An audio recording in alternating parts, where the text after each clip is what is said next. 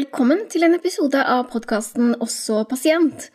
Podkasten hvor jeg, Kine Albrigtsen, snakker om hvordan det er å ha en usynlig sykdom. Sammen med folk, eller bare meg. Men alltid min faste maskot, Aki og Unida.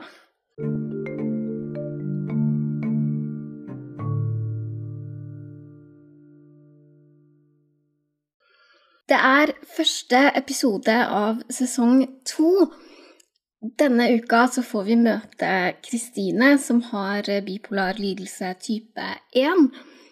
Det er en veldig fin episode. Vi snakker eh, mye om hvordan det er å ha eh, mani, være manisk, eh, hypomani, eh, hvordan det er å være deprimert. Er bipolar depresjon annerledes enn vanlig depresjon? Og vi snakker mye om psykose. Det er kanskje mange som syns at psykose virker stort og skremmende og veldig sånn ukjent. Så jeg er supertakknemlig for at Kristine ville dele om hvordan det er for henne. Jeg gleder meg masse til å vise dere alt sesong to har å by på. Det blir også et sterkt Instagram-game, så sjekk ut Også pasient på Instagram. Kanskje samtidig, eller etter du har hørt episoden. Da kjører vi i gang.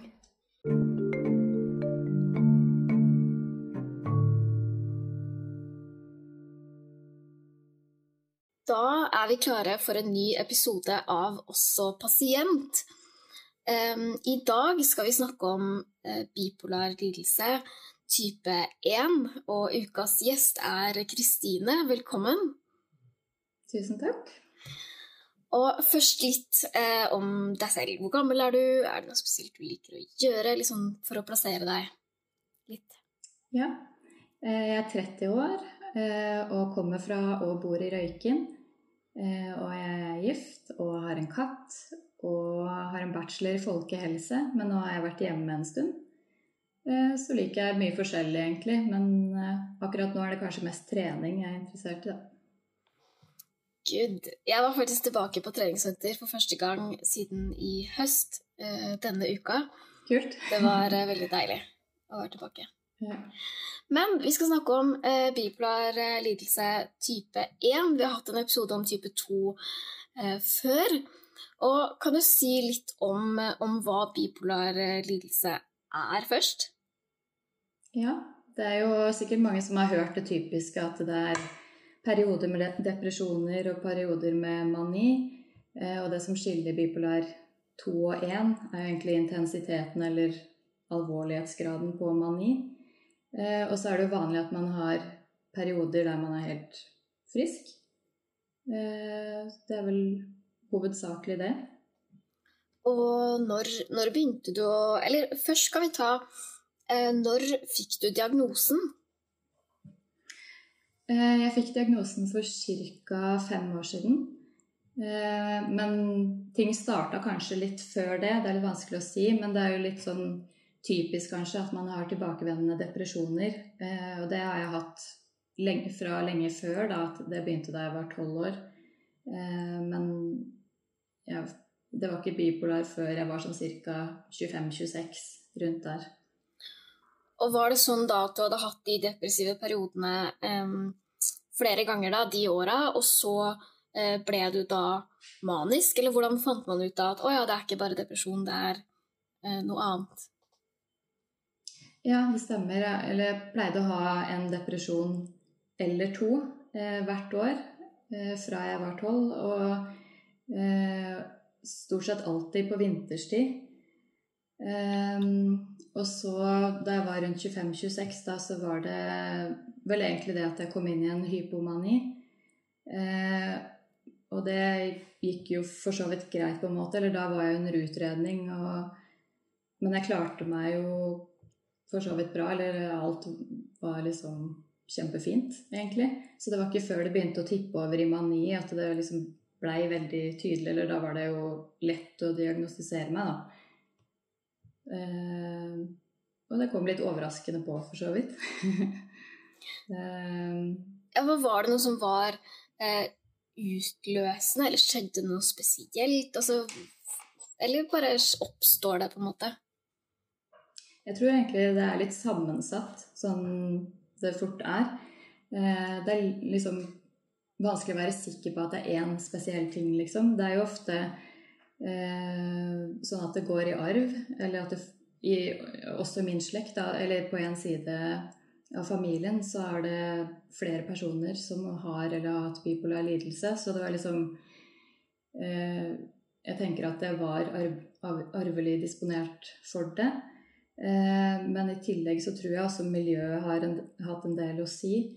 Eh, og at det liksom er flere ting, kanskje sånn sammenlagt. Men eh, et par år før så hadde jeg jo malaria. Og så etter det så ble jeg på en måte ikke helt meg selv igjen. Jeg har liksom mistanke om at det kan ha vært kanskje den siste stressoren jeg tålte, som utløste det. Og så er det heller ikke helt ukjent at det er flere da, som har fått bipolar lidelse etter at de har hatt malaria. Eh, så jeg er ikke helt sikker på akkurat hvordan det funker, men eh, det er en teori i hvert fall. Ja, fordi To ord om det. fordi Malaria eh, er jo Jeg har i hvert fall hørt om malaria-mygg og denne type opplegget. Og man vaksinerer man seg, gjør man det? Nei, man tar profylakse i tablettform, er vel det vanligste. Eh, så du tar eh, Det er mange forskjellige typer, egentlig, men jeg tok i hvert fall én tablett daglig. Eh, men det, du er ikke 100% beskytta, obviously. Så man kan få det likevel, da. Ja, fordi hvordan, hvordan, utarter malaria seg? Jeg har hørt om det, men jeg tror faktisk ikke jeg vet noen ting om hvilke symptomer man har når man får malaria. Nei, det er ikke så rart. Det er liksom ikke noe problem her i Norge. Men for meg så var det egentlig litt sånn det virka litt som jeg hadde influensa, på en måte. Eh, og jeg fikk veldig høy feber. Og så var det sånn Det varte en liten stund, og så forsvant det. Tenkte nå er jeg frisk. Så kom det tilbake igjen etter kort tid. Varte en stund. Så ble jeg helt frisk. Og så gikk det litt sånn i bølger med sånn influensasymptomer og verking i kroppen og eh, Men det blei bare verre og verre og lengre og lengre periode at jeg var syk. Og så til slutt så var det liksom sånn helt sengeliggende og kunne ikke gå på do selv engang. Og ja, blei veldig alvorlig, da. Eller jeg fikk den verste typen, da, eller falciparum-malaria. Så det var jo uflaks, da. Men vi var, et, vi var i Tanzania, og vi kom rett etter regnsesongen. Og det er da alle disse egga klekker, og det er veldig høy risiko for å få malaria. Og det gikk ikke an å egentlig beskytte seg mot myggstikk, fordi det var, det var så mye mygg, liksom. At ja så var det.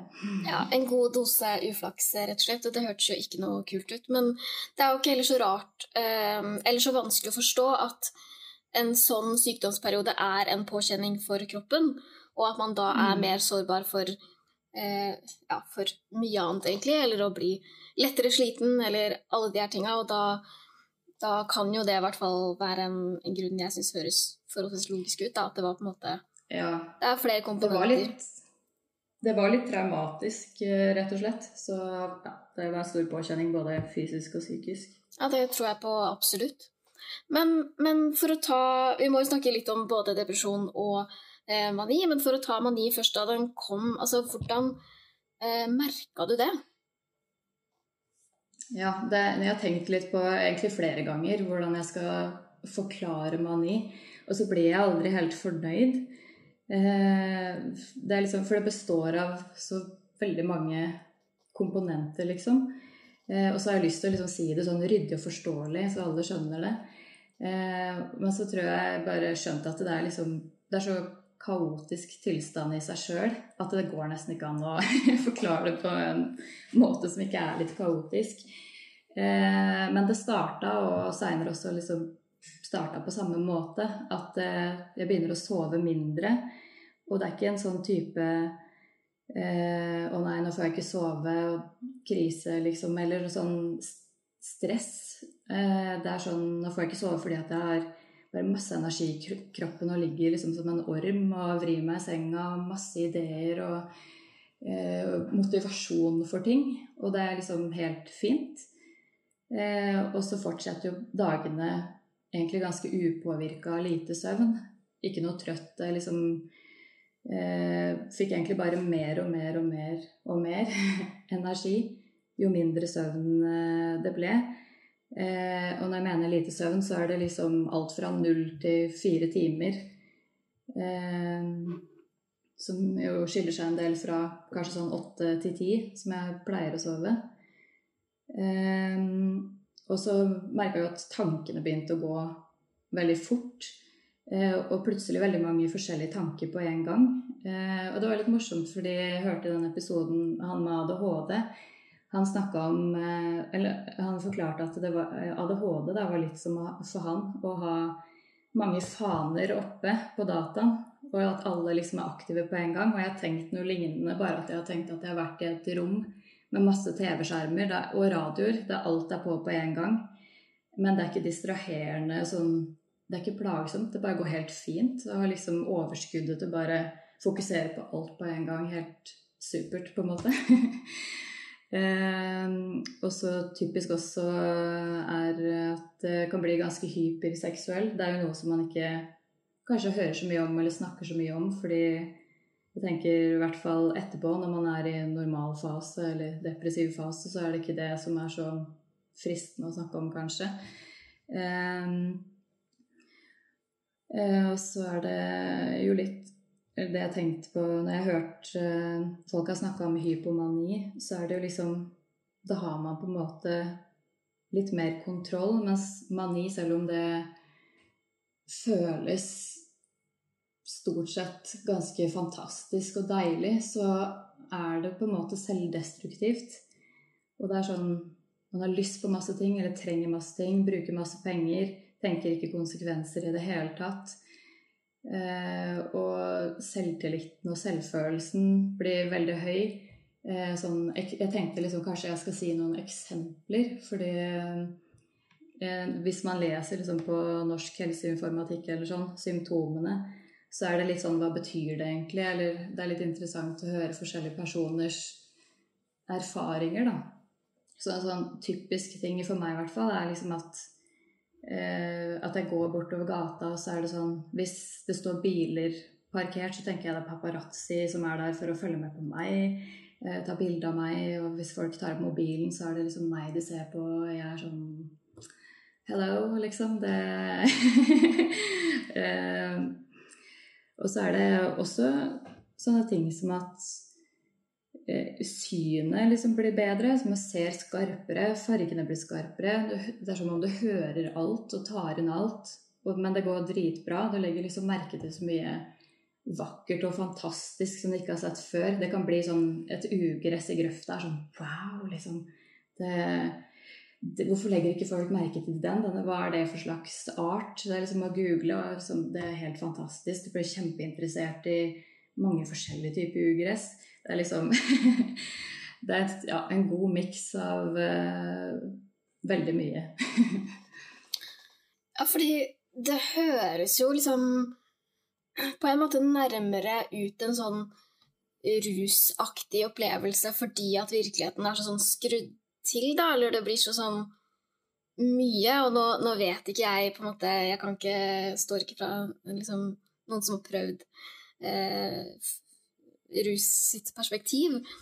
Men, men, det er jo litt sånn eh, Ja, som at verden er på en måte helt annerledes. Men samtidig, når du sier det på den måten, da, at ting er klarere og ting er på en måte skarpere, er det noe du eh, kjenner på i situasjonen, eller er det bare sånn verden er da, når du er på en måte i den fasen?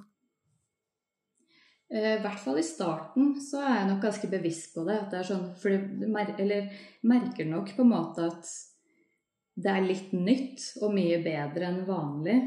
Eh, men eh, etter hvert så tror jeg jeg blir vel så opptatt av så mye forskjellig at det liksom det Eller det blir fort normalen, normalen på en måte. En ny sinnstilstand blir veldig fort sånn som om det alltid har vært sånn. Eh, men apropos rus, eller sånn, jeg har ikke prøvd noen type rus, men jeg har fått høre at det, i den tilstanden at du ser ut som, eller virker som du går på amfetamin. Eh, så det er det jo flere som har tenkt. Eh, og så er det ja, en annen ting som jeg tenkte på, sånn for å på en måte illustrere, eller hvis jeg er i den tilstanden, da, eh, og skal se på et eller annet på YouTube f.eks., eh, så er det sånn alltid hver gang så må jeg skru opp hastigheten til 1,5. Så hvis noen på en måte lurer på hvordan er på en måte hastigheten i hjernen, eller sånn hvordan, hvordan tenker jeg, så er det ofte liksom der. Det, eller det er liksom det som blir et behagelig nivå, da. Fordi i hvert fall jeg kan fort bli sånn at synes at ting går for treigt, eller at andre snakker for treigt. eller at jeg veit liksom, jeg vet hva du skal si, kan du bare komme til poenget, liksom, så jeg kan få komme med mitt, eller uh, Ja. For hvor, hvor lenge kan, kan en uh, mani vare for deg? Uh, for meg så har det vel pleid å være to, vare to-tre måneder. Og så seinere, eller med medisiner og sånn, eller hvis jeg bare har hatt eller bare har hatt hypomani, så har det kunnet vart kortere, men ja, minst et par uker, da. For jeg, jeg, liksom når jeg ser for meg de her, denne utviklingen, da, at man sover eh, mindre og mindre, man får mer energi eh, Og jeg kjenner jo til hvordan det er når det går nedover. da, Når man blir deprimert, så blir på en måte alt kjipere, kjipere, kjipere, og det blir, ting mm. blir vanskeligere, ting eh, føles mye mer ut som et ork. Og jeg føler at det er en sånn eh, stigende kurve hele veien oppover. Men, men, hvor ender man opp i toppen, på en måte? Fordi ja, du kan gå ned og jeg antar kanskje bli eh, suicidal og liksom ulike ting som vi skal snakke om etterpå når vi tar for oss depresjon, men hva er på en mm. måte på toppen der, og hva skjer? Hvordan kommer man ned igjen til det som er mer vanlig? I toppen så er det Jeg må jo si For det første så har jeg en del hukommelsestap. Og det har jeg hørt seinere at det er vanlig, fordi at man er egentlig ikke ordentlig til stede. I toppen så blir liksom alt kaos, og man er helt i sin egen verden. Skiller seg liksom veldig fra den ordentlige verden. Og for meg så har det i hvert fall vært Da har det vært omtrent ja, omtrent ikke noe søvn i det hele tatt. Og for masse hallusinasjoner først og fremst stemmer, da. Og det er liksom det er en blanding av meg og blanding av andre som liksom er der. Og ja, bare helt sånn Helt fullstendig kaos, egentlig. Eh, sånn at, sånn at jeg har fått høre at det liksom Det går ikke an å snakke med meg, eller liksom at jeg må dopes ned for å kunne ha en noenlunde normal eller forståelig samtale, eller sånn. Så akkurat det, Hvis man skal si liksom det Ja, aller øverste peaken, liksom, så er det i hvert fall vanskelig å egentlig forklare akkurat hvordan det er. Men eh, også for å Det er jo litt forskjellig, da, hvordan man eh, kommer ned igjen, på en måte. Jeg er vel i i denne situasjonen her har jeg på en måte kanskje vært heldig at jeg har hatt god nytte av medisiner, og at det har fungert. Eh, så når det, når det, er mani, så blir man jo som regel innlagt fordi at man blir til fare for seg sjøl eh, og kanskje andre. Eh, og da har jeg blitt medisinert på tvang. Og det har fungert, og da har det egentlig fungert sånn at jeg har fått et eller annet som har Jeg vet ikke hva, men som har fungert veldig fort en slags hestedose med et eller annet. Så bare blir Det tar liksom jeg vet ikke, noen minutter eller noe sånt, og så bare forsvinner du, på en måte. Eh, og sovner som en stein. Og så har jeg fortsatt å få eh, antipsykotika eh, i ganske høye doser som er veldig sederende, sånn at du blir på en måte tvunget litt ned. Og så er det også de rommene eller avdelingene man blir innlagt på når man er manisk, er liksom Det er helt tomt. Det skal liksom være minst mulig inntrykk. Bare glatte, kjedelige vegger eller ikke noe som skjer. man skal liksom skjermes for det meste av stimuli. Eh, og så er det litt ulikt hvor lang tid det har tatt å liksom komme ned, og at det har holdt seg nede når man trapper ned på medisinen og sånn. Det varierer litt, men eh, sånn Ja, jeg har hatt veldig god effekt av det, i hvert fall. Ja, du snakker jo om det på en måte som gjør at jeg får i hvert fall ikke noen sånn umiddelbar følelse av at eh, det har vært helt forferdelig, men, men hvordan er det på en måte mm, Det dukker opp to spørsmål, da. Både hvordan det er med det her hallusinasjoner og eh, høre ting og kanskje se ting. Um, og det her med å på en måte bli innlagt på, på tvang, da, for du sier jo noe om at du har kanskje ikke så god oversikt, og ting er liksom, liksom ja, kaos, som du sier, da. Men er det på en måte skummelt? Er du redd, eller flyter du på den bølgen av at ok, men det her er jo liksom spennende, og hva skjer, på en måte? Eller hvordan Ja, først da, kanskje, hvordan er det å liksom se, eh, se eller høre ting, på en måte, for de som ikke har opplevd det? Ja, veldig bra spørsmål. Det, det har også vært litt blanda. I Mani så har det mange ganger vært helt ok, for det er litt sånn eh, De stemmene jeg pleier å gjøre, er veldig random. Det er liksom alt mulig rart. Men det er ikke noe sånn ekle, skumle, nedsettende ting. Det er liksom bare de rareste ting man kan tenke seg, på en måte. Sånn at jeg har vært litt mer sånn Enten er det bare der eh, mens jeg driver med andre ting, eller så er det sånn at jeg hører på, det er interessant, eller at jeg svarer, eller sånn Ja, det er interessant, på en måte. Og at jeg har sett ting. Har det mange ganger også vært veldig random. Og at jeg liksom har vært nysgjerrig og fulgt etter eller fulgt med, eller noen ganger kanskje opptatt med noe annet og bare registrert det. Eh, og så er det noen få ganger at det har vært noe sånn skikkelig skummelt Eh, også i Mani. Noe sånn skikkelig Jeg håper å si sånn skrekkfilmaktig. Og da, ja, da ble jeg livredd og reagerer ut ifra det. Eh, vi kan jo kanskje snakke om på en måte samme tema når det gjelder, eller i depresjon, for da er det litt annerledes. Men i mani så har det vært eh, ja, grei, Kanskje feil, feil, å si greit, men eh, det er ja, godt ok, på en måte. ja, fordi um, det Er det sånn at når du hører ting, så høres det ut som om eh, Sånn som vi snakker sammen nå, eller når jeg liksom snakker til deg på ekte, holdt jeg på å si, eller høres de mm. stemmene ut på en annen måte?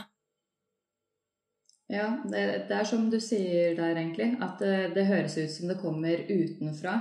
Jeg husker det var en lege en gang som sa liksom om meg at hun hører stemmer inni hodet. Og sånn Nei, jeg hører ikke stemmer inni hodet. Jeg hører det utenfra og inn.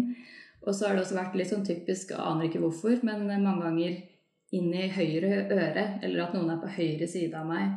Eh, ja, er det noe du kan eh, kjenne igjen på en måte når det kommer? Fordi, eller hvordan har du klart å liksom skjønne at å ja, men noen ganger så er det fra høyre side? Det må jo kreve en del sånn eh, selvbevissthet, liksom, eller ja, refleksjon? På en måte ikke, fordi det er liksom sånn Hvis du sitter der du gjør nå, og plutselig hører noen sier uh, hallo inn, inn, rett inn i ditt høyre øre, så registrerer du med en gang at det er akkurat der det kommer fra. Uh, så eh, ja, jeg har kanskje ikke vært så Trenger ikke å være så bevisst, egentlig. Eh, men det er jo sånn Og så er det litt ulikt hvordan, hvordan jeg har vært, eller hvordan, hva jeg har tenkt om det. Fordi jeg tror det kommer litt an på hvilken state man er i. Om man tenker Shit, det her er ikke bra. Eller det er ikke sånn jeg typisk har tenkt i mani. Det er litt mer sånn det, det, er en del av min verden der og da. Og på en måte skiller seg ikke ut som så veldig unormalt, egentlig. Ja, det, det syns jeg jo det er veldig interessant at du sier også, fordi at um, Jeg tror Eller jeg syns at det gjør at Jeg tenker sånn Å ja, men da er det jo ikke så rart, på en måte, at, eh, at det ikke er så stress, da. Jeg vet ikke helt hvordan jeg skal si det, men jeg tror at når noen hører sånn Ja, eh, eh, nei, du hører stemmer, så er det litt sånn Oi, shit, mhm. hva er det? Eller så hvordan er det? Eller Og så, er, så liksom forklarer du det, og så tenker jeg litt sånn Ja, ja, ok, men da, da, er det jo sånn det er, da. Og at det liksom ikke er så sånn stort og, og rart som man kanskje skulle forestilt seg, da. Jeg tror i, i hvert fall for meg i i mani så er det veldig, veldig mye forskjellig som, hvis jeg ser på det nå, er rart. Men i, i, den tilstanden så bare passer det så fint inn i alt annet. ja. Ikke sant. Ja, og så eh, Jo, det andre spørsmålet var jo det her med å bli, bli innlagt. Eh, du sa jo Eller du har vel gått i noe eh, behandling før, liksom når, når, du har vært deprimert ettersom dere hadde funnet ut av det? Mm. Um, og så kommer det jo til å bli innlagt og medisinert på tvang. Har du lyst til å si litt om det? Ja, det, det har også vært litt sånn ulikt. Sånn, litt typisk er at i hvert fall første gangen så var det sånn eh, Skjønner du hva som skjer med Eller legen sa skjønner du, liksom, hva, skjønner du hva som skjer med deg nå? Du er manisk. Eh, du må bli innlagt på sykehus. Og jeg var sånn Ok, ja, men det går fint. Eh, la oss dra, liksom. Ikke noe problem. Og så kom jeg inn der, og liksom lukka låste dører, og bare Shit, her vil jeg ikke være. Her kan jeg ikke være. Hvordan skal jeg få gjort alt eh, jeg hadde tenkt? Eller sånn at du bare eh, Eller jeg gikk jo bokstavelig talt på veggen, på en måte. Det, det trigga veldig Eller sånn Blei som rasende, eller sånn fordi det var ikke Jeg vet ikke, sånn den energien må jo fortsatt få utløp. Altså hvordan gjøre det et sted er helt tomt, eller sånn Det blir nesten Føles jo som det blir verre. Eh, en stund, i hvert fall.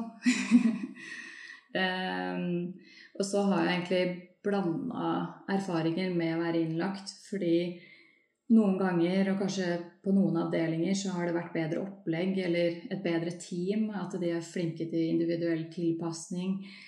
Eh, at ikke du Eller sånn Følelsen av å bare være til oppbevaring er liksom Ja, ikke så bra. Det er, sånn, det er, det er ikke så mye hjelp i det. Hvis noen liksom virkelig forstår hva det er du går igjennom, så kan de på en måte hjelpe deg bedre. Eh, så det er liksom en blanding av gode og dårlige erfaringer, egentlig. Eh, og så er det jo mange ganger man blir litt lurt inn i det òg. Jeg vet ikke om noen, eller om du eh, kjenner igjen det, men det er litt sånn typisk at før du blir innlagt, den legen man kommer til da, det er sånn typisk at de sier eh, nå har du to valg, liksom. Eh, du kan legge deg inn frivillig, så blir det mye enklere for oss begge. Eller så blir det tvang. Hva velger du? det er sånn Ja, da, da, skjønner du at du ikke har noe valg uansett, på en måte.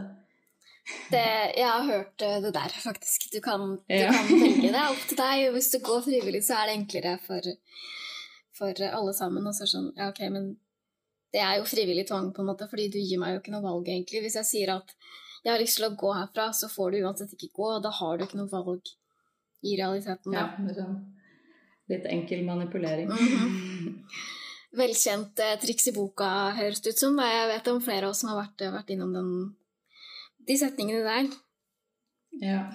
Men eh, Og så, når eh, du har på en måte kommet ned igjen, og også for så vidt før du ble, ble manisk og fikk maniske perioder, så går du jo ned i eh, depresjon. Og jeg vil jo tro at eh, situasjonen ser ganske annerledes ut da, da er det ikke mange TV-er og radioer på i rommet som du syns er kjempespennende. Da tvert imot, kanskje? Eller hvordan fortoner det seg? Ja, det er jo rake motsetninger. Det er jo på en måte eller sånn som liv og død, nesten. Sånn kontrasten. Eh, men eh, Og så er det ikke nødvendigvis Det har skjedd flere ganger at depresjonen kommer etterpå. Eh, noen ganger så er det bare en periode med utslitthet og mye søvn og ikke noe depresjon. Eller at depresjonen kommer seinere. Så det må ikke være rett inn i depresjon, men det kan skje. Men da er det jo mye tommere og stillere i hodet og bare negative tanker. Og dyster stemning og ekstrem emosjonell smerte. Alt er håpløst, liksom. Det, det, det føles som om depresjonen kommer til å vare for alltid. Og det er bare å gi opp, eller blir ofte suicidal. Og energi Det er jo ikke noe energi å hente i det hele tatt. Det er liksom noe, Det kan jo bli sånn at det blir helt sengeliggende og må, må ha hjelp til å gå eh, på do eller dusje eller lage mat eller eh, Kroppen er liksom bare tung. Og mest, store deler av døgnet går med til soving. Eh, og ja, isolasjon, og det må være mørkt og stille. Og jeg pleier å tenke egentlig ofte at nå er jeg egentlig død uansett, egentlig. Eller sånn Det her er, det her er ikke å leve.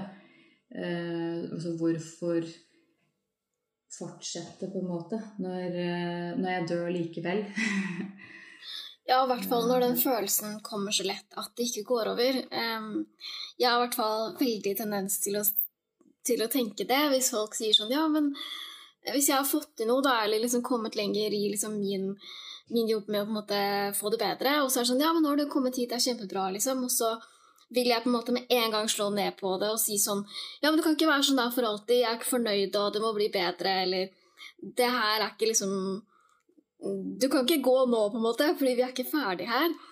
Og da sier folk litt sånn Ja, men det skal jo ikke være sånn for alltid. Og så er det sånn Nei, jeg tror kanskje det føles sånn fort, og Særlig når man er veldig deprimert, fordi at det er så utrolig vondt. Det er i hvert fall det jeg har tenkt på når jeg har vært liksom veldig deprimert. Og da jeg var eh, ganske mye yngre, så, så, var jeg suicidal. Og jeg tror at det er vanskelig å beskrive den tyngden, da, og hvor sånn omfattende det egentlig er. Fordi at det føles så fysisk ut også. Jeg tror at mange kan tenke at ja, men man er deprimert, og da er man trist, eller lei seg, på en måte, men det er jo en hel sånn pakke mm. rundt det, på en måte.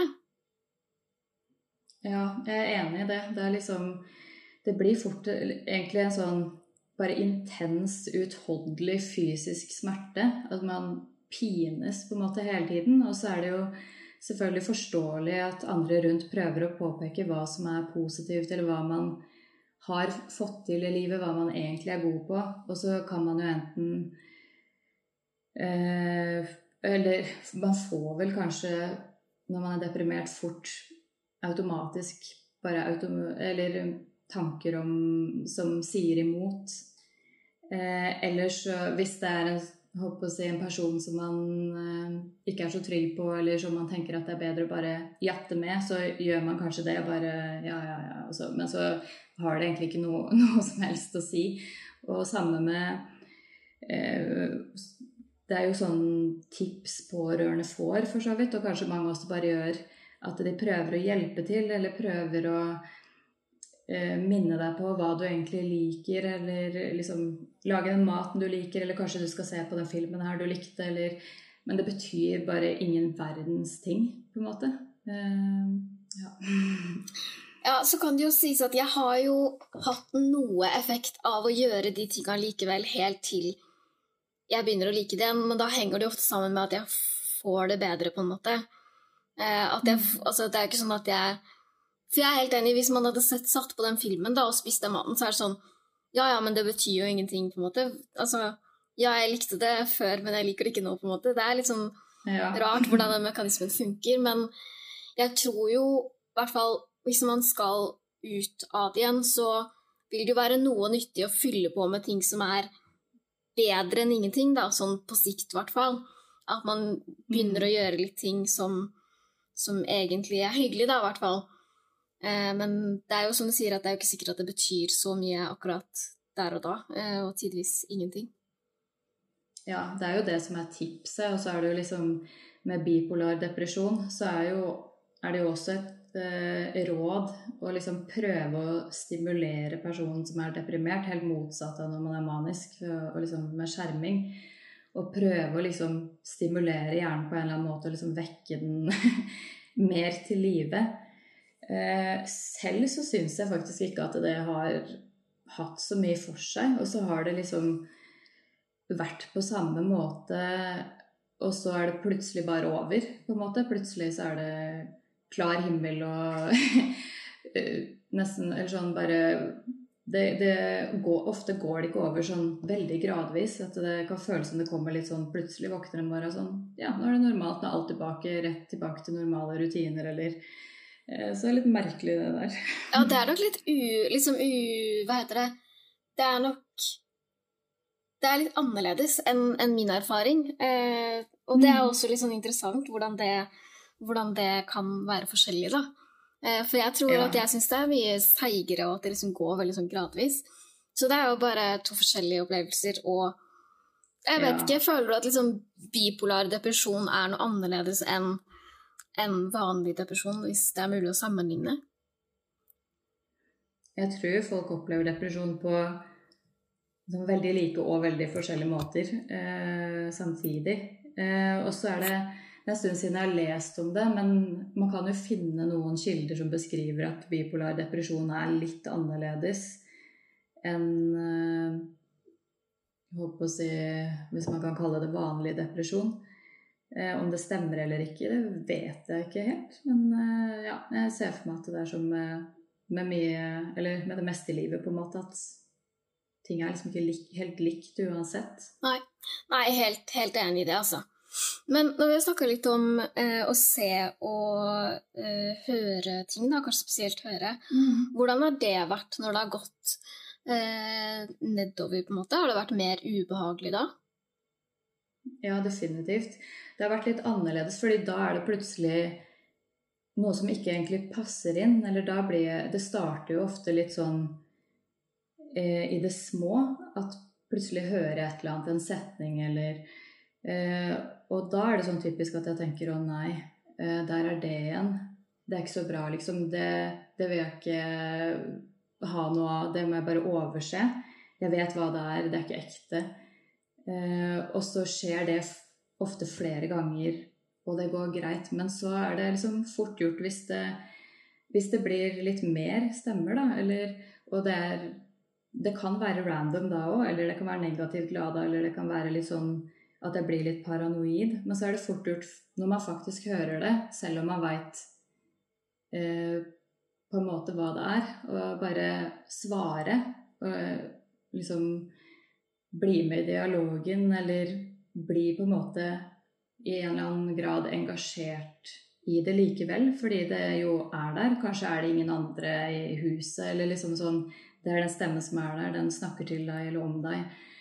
Eh, og plutselig blir de tingene Eller de kan bli mer interessante, eller sånn det kan være liksom at jeg må eh, følge med på bilene som kjører utafor, eller at noen eh, spionerer på meg, eller liksom Og så plutselig så er inn i det likevel.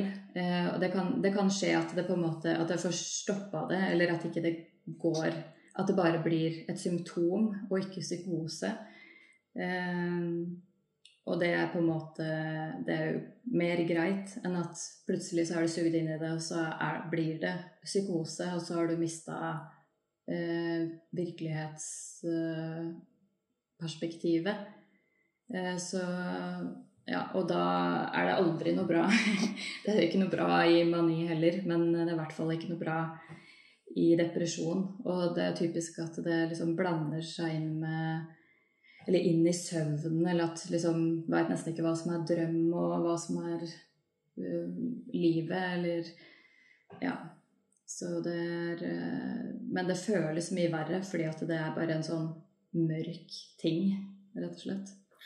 Ja, når du sier at du svarer, svarer du liksom høyt ut i rommet da? Liksom snakker Eller ja, svarer da som om det var en vanlig samtale? Det er et godt spørsmål. Det er litt begge deler. Eh, særlig i starten. Jeg, fordi hvis man er bevisst på at eh, For det første, ikke sant, så er det jo litt sånn eh, I hvert fall for meg i starten så er det sånn Hvis det er jeg og kanskje en annen person i rommet, da, og jeg hører stemmer, så er det sånn Jeg ser jo at ikke det er noen andre her. Jeg vet at ikke det er den personen som jeg er sammen med, fordi den har ikke sånn stemme. Så jeg kan enten la være å svare, eller så svarer jeg liksom over tanke, tankeoverføring. Eh, hvis jeg er aleine, så svarer jeg typisk høyt. Eh, hvis det går litt lenger, så kan jeg fort svare høyt selv om det er andre folk rundt, fordi eh, ingenting betyr noe lenger. Eller er ikke, tenker ikke noe på hva andre tenker om det, fordi da er det igjen Da er jeg liksom inn i den, den egne verden. Ja. Ja, og det her med, med psykose, hva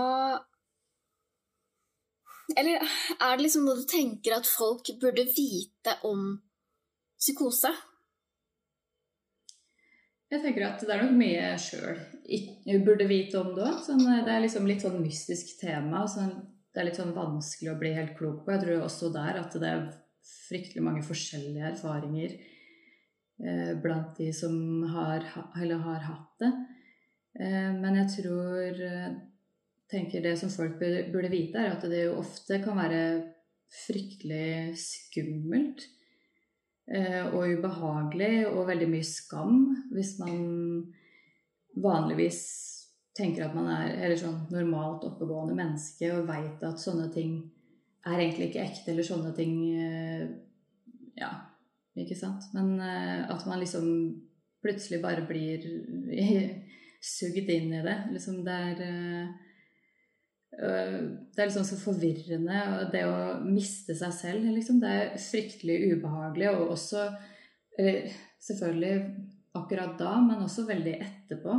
Hvordan det føles etterpå å se tilbake på at, at man har mista seg selv inn i noe sånt. Hvor skummelt det er, og hvor lang tid det kan ta å komme seg etterpå. Liksom hvor redd man er for at det skal komme tilbake. Eh, og hvor viktig i hvert fall for meg, så er liksom hvor viktig det er å forebygge. For det er sånn som eh, mange kanskje glemmer, sånn, eller apropos eh, usynlig sykdom. Og liksom eh, Hvis noen møter meg sånn som nå, når jeg er helt normal, så er det liksom kanskje vanskelig å se for seg meg i en sånn tilstand. Og hvorfor Eller sånn Det passer ikke med det, det de ser nå, eller eh, eh Men liksom hvor mye tid man bruker på å forebygge at det skal skje igjen. Hvor viktig det er å liksom tilrettelegge å redusere stress. Og eh, også i de Eller det er jo de normale periodene må man jo også gjøre det. Fordi når det først har skjedd, så er jo sjansen der for at det kommer igjen. Da har det skjedd flere ganger. Så er jo kanskje Jeg kan jo ikke statistikken på det, men liksom kanskje typisk at da er det jo enda større sjanse for at det kan skje igjen. Ja, for, for, hvordan er det nå? Altså, går du på eh, medisiner? Er det sånn som veldig mange andre i podkasten sier, at rutiner og liksom, rammer er viktig? Eller hvordan, hvordan, ser det ut i dag, på en måte? Ja. Eh, jeg går på medisiner. Jeg var fryktelig skeptisk i starten, fordi at det jeg hadde lært hjemmefra fra noen, var jo liksom at psykiatriske medisiner er the devil, liksom. Det er livsfarlig. Du må ikke finne på å ta, det kommer til å ødelegge livet ditt. Og så plutselig så kommer man i en situasjon der hvor det er veldig anbefalt. Eh, men jeg har typisk vært sånn at jeg har prøvd alt jeg har fått anbefalt likevel. Eh, og det har vært mye prøving og feiling eh, med medisiner. Og det er jo typisk mye bivirkninger med psykiatriske medisiner. Så det tok noen år egentlig for å finne riktig kombinasjon som, som, jeg går på nå og har gått på over tid. Så jeg går jeg har gått på forskjellig stemningsstabiliserende, men det alene var ikke nok. I hvert fall ikke etter at jeg begynte å få psykotiske symptomer. Eh, men det, men det i seg selv har hatt effekt. Men nå så går jeg på både stemningsstabiliserende og antipsykotika og beroligende, og det har jeg gjort i litt over et år. Og jeg har ikke vært så stabil som denne tiden før det i det hele tatt. Så det, liksom, det virker som det har vært en perfect kombinasjon til slutt. Eh, og som du sier at andre har sagt med, om rutiner og struktur, og det var jo sånn jeg fikk, også fikk anbefalt fra starten at det må man ha. Eh, og jeg var på en sånn type kurs som heter Bipolarskolen, og det, der skulle de lære oss hvordan eh, vi kunne gjøre det. Og jeg var eh, veldig imot, egentlig. Det var liksom ikke, eller var imot min natur. Jeg liksom vant til å være veldig ustrukturert og ta, ta, ting som det faller seg, på en måte. At ting blir litt sånn ja, ikke noe planlegger i det hele tatt. Eh, og det tok litt tid før jeg skjønte at Eller implementerte det i livet mitt, liksom. Men eh, det har definitivt hatt noe for seg. Eh, men jeg vet ikke om jeg hadde klart det uten medisiner. Eh, fordi at særlig med Eller alt starter på en måte med søvn, eller sånn. Så når den er bra, så er det mye lettere å få rutiner på tiden man er våken, syns jeg, da. Eh, så ja, det litt over det, eller det året og de månedene som har gått nå, så har jeg vært veldig rutinert. Og sånn jeg ser det, så har det bare vært positivt. Ja, så bra. Og, og ja, det er den lange utprøvinga med medisiner, men det er jo slett ikke verst da, at du har funnet en kombinasjon som faktisk passer eh, for deg, i hvert fall akkurat nå. Ja, helt sant. Men um, du har blitt mer stabil, og jeg syns jo du snakker veldig sånn eh, fint og reflektert om det, men så lurer jeg på sånn Har du snakka med mange andre om det? Er det liksom du er åpen om at du har bipolar lidelse og eh, psykotiske symptomer, da? Eh, nei og litt ja. eh, egentlig ganske lukka. Jeg har fått mange tips om å prøve å være mer åpen. Eh, det er litt derfor jeg havna her også. Sånn et skritt på vei til Eller for å støtte mer åpenhet. Og egentlig en ganske stor utfordring. Eh, men eh, jeg har vært sånn at jeg er Altså de aller nærmeste har jeg vært åpen med fordi at de har blitt mest påvirka. Og så er det litt sånn Man kan ikke skjule det for de nærmeste hvis man har hyppig kontakt, på en måte. Um, og det har vært greit. Og de som er litt lenger ut, eller venner og sånn, da har jeg egentlig sagt bare hva som er greia. Eh, og hvis de lurer på noe, så kan de spørre meg. Og hvis de spør, så er jeg åpen. Hvis, ingen, hvis ikke noen spør, så sier jeg heller ingenting. Og så har jeg liksom ikke jeg har ikke lyst til å være den venninna med psykiske problemer som bare, bare, snakker om det, eller at det tar veldig mye plass. Og så er det også frist Eller sånn Jeg vil gjerne, når jeg er sammen med andre, ha fokus et annet sted. Og liksom være der, og være litt borte fra utfordringene mine, liksom. Og, eh, så det ja, er ganske blanda, men jeg har også brukt veldig mye krefter på å skjule ting, egentlig. Særlig depresjon. da Eh, fordi da får jeg typisk veldig sosial angst i tillegg, og det er helt krise hvis noen ser meg sånn, på en måte. Eh, og hvis, eller i hypoman eller manisk tilstand, så er det ikke så farlig, og da kan jeg fort finne på å si altfor mye, egentlig, eller mer enn jeg eh, egentlig ville gjort. Så da har jeg også hatt tendenser til å overdele. Så ja, det har vært en god blanding der. Ja, og så tenker jeg at det er jo sikkert litt forskjell på, på som du sier, da. Eh, det er, eh, det er, på en måte lettere å svare på direkte spørsmål, men så er det noe med hvor åpen er man for spørsmål? At det er jo liksom forskjell på eh, hvor lav terskel eh, de andre føler på at det er for å stille spørsmål også. Ja, jeg tror noen har merka veldig godt på at de har vært ukomfortable rundt meg. Men det er kanskje typisk personer som jeg ikke har kjent så lenge, eller ikke kjenner meg så godt, eller kanskje eh, fanger opp vibber fra meg, på en måte, om at jeg er eh, anspent, eller liksom det ikke føles trygt å spørre, eller tenke om de støter meg, eller, tenk, eller sånne ting.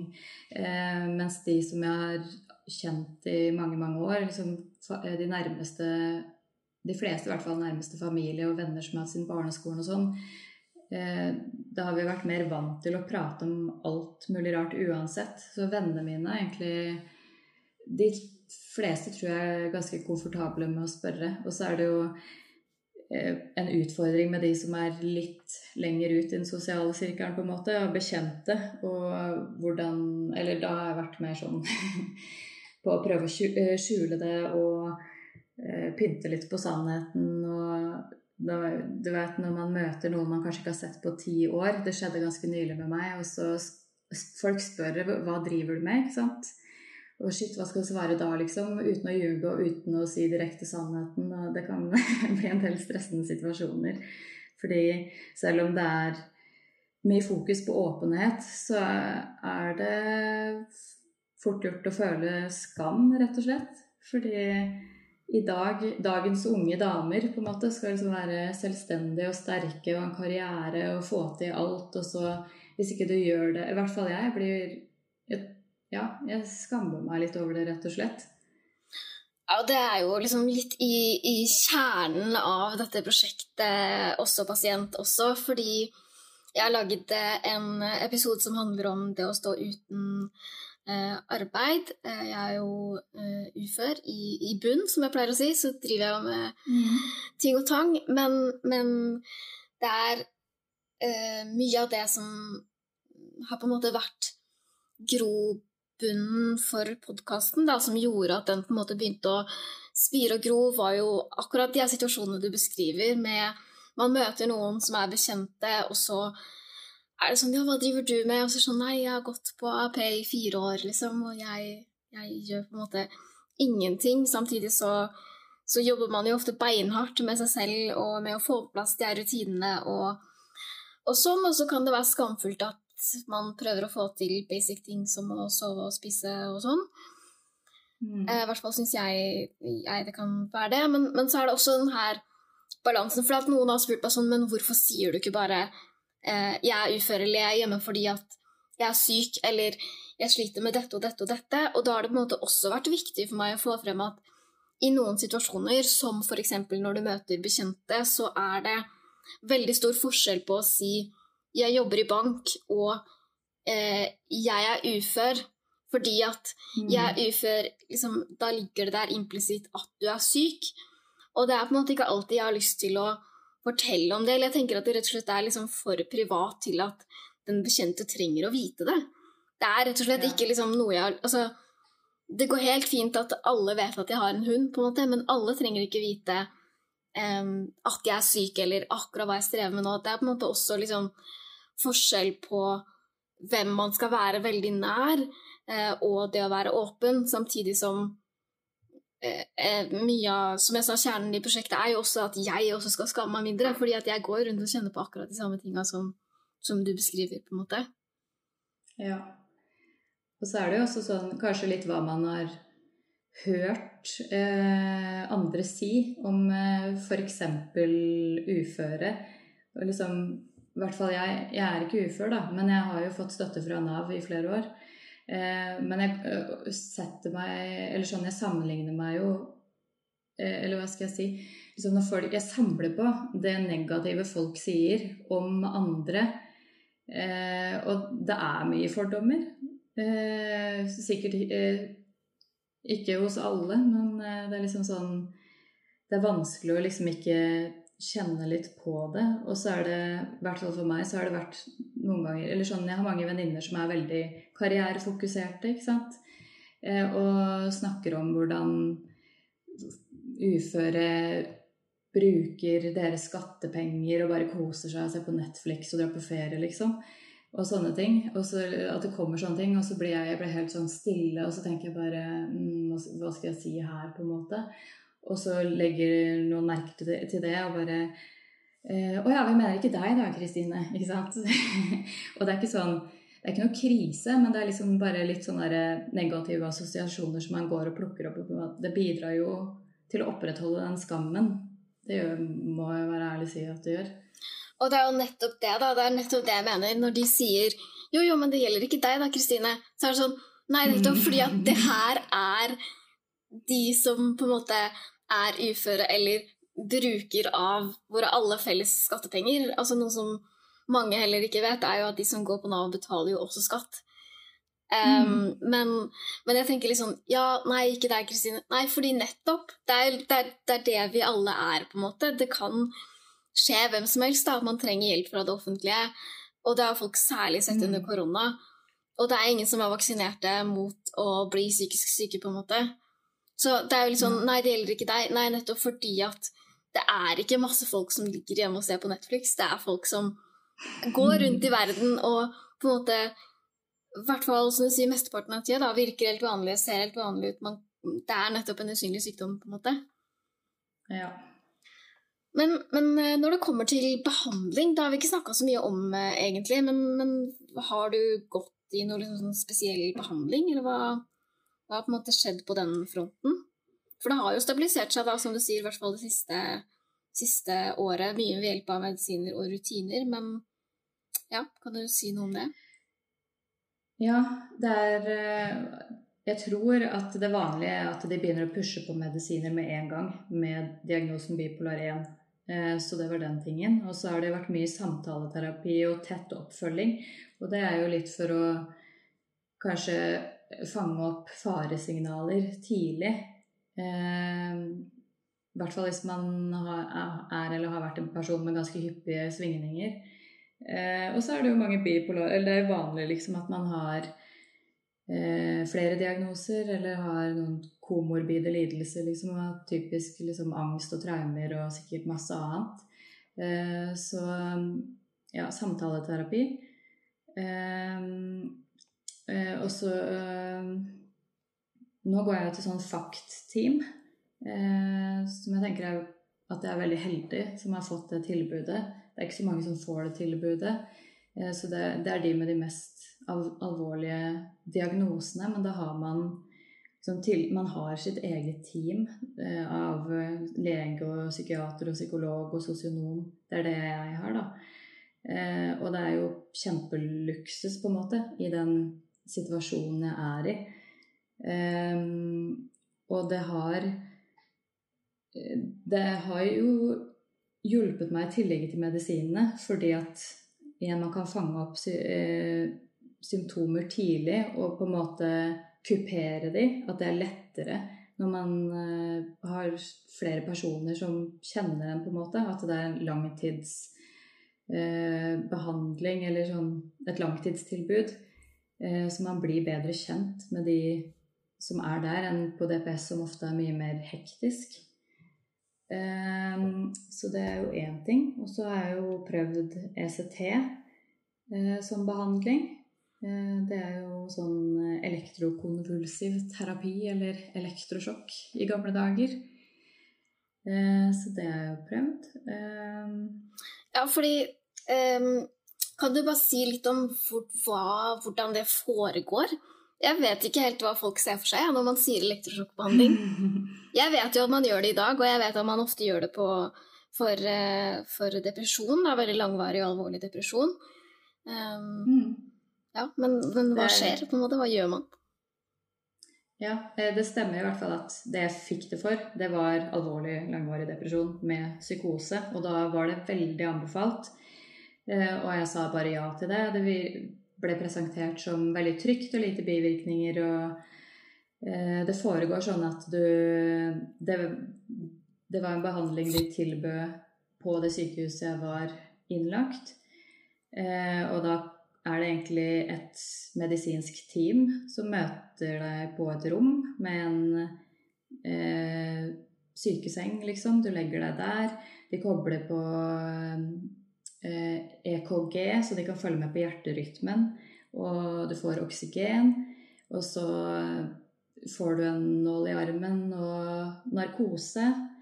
Eh, så det, ja, noen sekunder så er det borte, og så gir de deg elektrosjokk.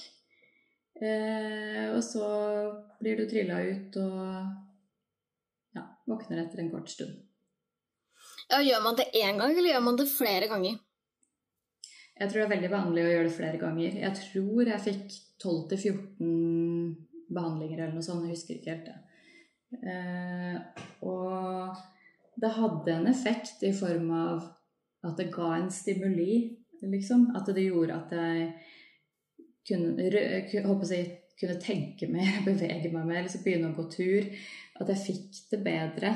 Eh, og så skjønte jeg ikke sjøl hvor eh, mye hukommelsestap jeg fikk. Fordi at eh, Ja, det er en veldig vanlig bivirkning. Jeg tror man får det liksom i varierende grad. Jeg fikk det i ganske stor grad. eh, så det var eh, en mer eh, inngripende behandling enn det det ble fremstilt som for meg, i hvert fall. Ja, hvordan, hvordan, oppleves uh, hukommelsestap? Er det en måte Eh, blir man glemsk, eller er det ting som har skjedd som man glemmer? Altså, hvordan, hvordan utarter det seg? Det aller vanligste, i hvert fall, som, det er at, glemmer, at, det går utover korttidshukommelsen. Så glemmer fra dag til dag, eller kanskje fra tidligere den dagen. Eh, men jeg hadde jo ikke peiling på det. eller sånn, Når de spurte, så sa jeg det, det går greit, for jeg ante jo ikke at jeg hadde glemt noe. Eh, og så har jeg hørt seinere fra den perioden f.eks. at jeg, jeg, hadde fått en ny mobil, for jeg hadde smasha min egen. eh, og så hadde jeg fortalt om den mobilen dag etter dag etter dag etter dag til samme person, liksom. Sånn ser den ut, sjekk så fin den er bak, har dritbra kamera. Og den personen sa liksom at Prøvde å liksom jatte med Eller sånn Å ja, er det det, ja? Eh, hver gang. Og så etter hvert så begynte de liksom å erte meg med det uten at jeg visste det. Fordi at de syntes det var litt sånn komisk at det kom igjen og igjen. Så, men gikk, hos meg så gikk det utover langtidshukommelsen også. I hvert fall de fem siste årene før. Ikke alt, men omtrent alt fra de to årene før var helt borte. Men mange hendelser og ting fra de fem årene før. Og det er jo sånn man finner ut sikkert, eller i hvert fall jeg gjorde, da jeg kom hjem igjen etter innleggelsen, var ferdig med SET-en og skulle tilbake til mitt vanlige liv. Og plutselig er det sånn Hva, det jeg pleier å, hva pleide jeg å gjøre egentlig? Hvordan, hvilke interesser hadde jeg egentlig? Hva, hva slags rutiner hadde jeg? Hva pleide jeg å spise? Jeg pleide, spise, jeg pleide egentlig å spise plantebasert, f.eks., men da spiste jeg alt. eller sånn, Jeg huska ikke hvordan livet mitt var. Og så huska jeg jo ikke relasjoner hadde Eller nye relasjoner fra den, eh, i hvert fall de to siste årene. At jeg hadde møtt nye mennesker og blitt kjent med dem, liksom, kanskje vært på shopping, eller liksom at vi hadde bygd en relasjon. Og så er det bare helt glemt. Eh, og så har jeg på en måte huska de når jeg har sett igjen, men jeg har ikke huska noen minner, så det må liksom friskes opp. Eller veldig mange sånne situasjoner der folk husker at vi har gjort ting sammen som ikke jeg hadde peiling på. Eh, og det er egentlig skikkelig ubehagelig. Og selv nå som det er gått over et år, så er det stadig ting jeg oppdager at noen liksom minner meg på som jeg ikke ante hadde skjedd. da. Ja, og da er det ikke sånn at du kommer på det er sånn 'Å ja, det var sånn det hang sammen'. Du bare har det ikke, på en måte? Nei, jeg har det ikke. Så jeg har jo masse bilder. Eh, det, det Men det, det, er sånn at eh, ting ser og høres kjent ut. Eller at det kan være sånn Her har jeg vært der, her har jeg gjort det. Og så etterpå så tenker jeg jo, nå kan jeg egentlig se for meg det, på en måte. Eller sånn at jeg faktisk gjorde det. Eller sånn når jeg ser bildene, så ser det kjent ut. Eller det har skjedd at jeg har møtt på en person som jeg hadde blitt kjent med, som jeg hadde glemt. Og jeg så personen og tenkte eh, Hun ser kjent ut. Jeg tror det er en kjendis fra TV eller et eller annet. Og så kjenner hun meg igjen. Og så er det sånn Shit, jeg har ikke peiling på hvor jeg har henne fra. Men så husker jeg plutselig hva hun heter, men ikke noe annet. Og så Så det er ikke sånn at minnene egentlig kommer tilbake. Det, eller kommer bare liksom som en påminnelse fra andre som er sånn virker kjent. Ja. ja, det høres jo veldig ubehagelig ut, egentlig. Ja, det var ikke verdt det. Eh, det, var, det er ikke sånn at jeg liksom skal eh, svartmale behandlingen ECT. Og har hørt om folk som har hatt nytte av det, og folk som har hatt samme erfaring som meg. Så det er litt sånn Jeg tenker at jeg prøvde det, jeg fikk det veldig anbefalt. Nå trenger jeg ikke å lure på om det er noe for meg eller ikke. Og det var eh, samla sett kanskje ikke en så bra opplevelse, men liksom, jeg angrer ikke heller. Det var en erfaring, på en måte. Og sånn, sånn er, det opplever i hvert fall jeg, da, eh, i liksom min eh, vei i psykiatrien at eh, det er jo ofte sånn at hvis man er på en måte klar for det og villig til å prøve, så, så er det greit å ha prøvd, da, for da vet man om det funker eller ikke. Det er så synd å ha gått forbi et tilbud som står der uh, ubrukt, og så var det kanskje det som funka, da. Uh, litt som at du var kjempeskeptisk til medisiner, og så hadde du på en måte sagt nei, og så viste det seg å ha en funksjon, da. Ja, godt poeng. så det er jo på en måte ja, og det vet man jo ikke før man har prøvd det ofte, da. Men jeg skjønner jo at akkurat det her med hukommelsestap er jo på en måte ja, Det, det hørtes ikke noe, noe, særlig ut, egentlig. Også fordi det ikke går over. Det er jo En del bivirkninger er jo sånn at du blir veldig kvalm eller et eller annet skjer da, mens du går på medisiner, f.eks., og så går det over, da. Mens du kan jo ikke bare eh, ta bort hukommelsestap, på en måte. Ja, jeg har tenkt på det litt som en en snarvei jeg ikke trengte å ta. At det, den depresjonen hadde sikkert gått over eh, etter omtrent det vanlige antall måneder som det pleier å være for meg uansett. Hadde jeg venta, så hadde jeg ikke hatt det hukommelsestapet. Men eh, ja, sånn er det. Sånn er det, rett og slett. Men jeg syns jo på en måte at vi har vært innom veldig mange ting eh, ved det å være eh, bipolar. Men også litt sånn eh, mot slutten eh, De her eh, vanlige periodene og på en måte totalbildet ditt. For nå har vi snakka mye om de liksom, ekstreme punktene opp og nede. Men, men, i midten der, eller sånn Jeg er bare egentlig litt nysgjerrig på å høre liksom, hva du tenker om det. Eh, ja, både nå og litt som en sånn helhet. Hva jeg tenker om bipolar lidelse? Ja, og liksom hvordan er det å å ha det, på en måte. Det er jo sikkert vanskelig å si siden det også er så mm. store variasjoner, da. Men nå når det har på en måte vært mer stabilt, har du tenkt på det noe annerledes nå f.eks. enn før? Ja, får jo litt mer tid til å tenke Reflektere rundt det, og liksom tenke rasjonelt rundt det. Eh, og jeg må jo være ærlig og si at det skulle ønske jeg ikke hadde det. Men jeg vet at det er mange som på en måte er glad for at de har det òg. Som jeg nevnte, den der bipolarskolen som jeg gikk på. Der hadde vi en sånn runde der alle deltakerne skulle si eh, om de ville vært sykdommen foruten, eller om de ville hatt den hvis de kunne velge. Og da sa faktisk alle de andre, vi var kanskje ca. ti personer, da, eh, men at nei, de ville, de ville hatt den uansett fordi at det har gjort dem til den de er.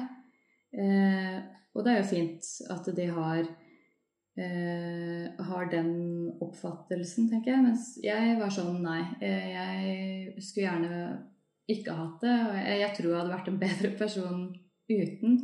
Og jeg har gjort mye jeg gjerne ikke skulle gjort, og det har gått mye utover mine nære relasjoner, og spesielt mannen min, og det har hindret Eller altså det har gått utover utdannelse, og det har gått utover jobber.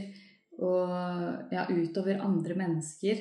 Eh, og det er ting som jeg tenker at det er ikke verdt det. Også selv om det er fantastisk å være manisk, så er det liksom Det er ikke verdt det. Fordi når jeg er frisk sånn som nå, så ser jeg på en måte hvor eh, twisted det er, da. Eller kan være. Eh, og ja, det er noe jeg ofte skammer meg over. Selv om jeg må innrømme at noen ganger så tenker jeg også at jeg ønsker meg det bare fordi at det er digg. Men ja. Ja, jeg, jeg, kan jo skjønne den, den, siste tanken der også, når man på en måte vet hvordan det er, og det liksom føles ut som en god flyt, i hvert fall en god stund, da. At uh, mm. det er jo kanskje ikke så Kanskje ikke så rart å skulle ønske det, på en måte. Men eh, jeg må jo si at jeg stiller meg jo bak din tanke, da. Jeg skulle også helst vært foruten mine psykiske lidelser. 100 eh, egentlig, men det, det, er man jo ikke. Og det er jo Altså, jeg tror jo det ligger noe sannhet i at man er jo summen av alle sine erfaringer og hvordan man har takla det og alt der, så, så, ting hadde jo vært helt mm. annerledes, og det er jo på en måte Jeg tenker jo ofte kanskje litt at ja, ja, men det har jo skjedd, så man vinner ikke så mye på å tenke på hvordan livet hadde vært uten, da. Men jeg er heller ikke den som står og står og roper om at man, man, blir sterkere av det, og at man blir et dypere og bedre menneske, på en måte. Det er nok eh, på det beste en sånn at med modifikasjoner, da, tenker jeg i hvert fall. Ja, man finner vel sin måte å akseptere eller takle det på, og så er det greit at det er forskjellig. Ja, jeg er helt enig, og det er jo sånn Vi er forskjellige, og som du sier, du også snakker ut fra ditt, ditt perspektiv, og at det, mm. andre kan ha andre opplevelser, og sånn, sånn er det rett og slett. Ja. Men jeg er kjempeglad for å få snakke med deg, Kristine. Jeg tror Eller jeg tror det har vært en lang episode å høre på, men veldig nyttig og veldig um, interessant på den liksom velmenende måten. Så jeg må bare si tusen takk for at du ville komme som gjest. Ja, i like måte holdt jeg på å si. Ikke at du kom som gjest, men at jeg fikk komme. Og jeg er helt enig i at det har vært eh, interessant. Så bra. Da er det som vanlig bare én ting igjen å si, og det er ha det bra. Ha det bra.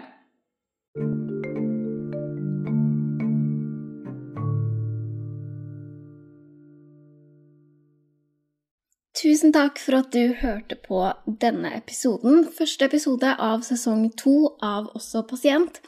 Hvis du har lyst til å støtte arbeidet mitt, så kan du kjøpe meg en kaffe. Gå inn på buymeacoffee.com slash også-pasient. Med A og ikke Å der, altså. Eller gå inn på Også pasient på Instagram, og som A. Eller send meg en mail, da, hvis du har et tema du har lyst til å snakke om. Et tema du tenker jeg bør ta opp tilbakemeldinger, ris, ros, fyr løs. Og så høres vi igjen snart.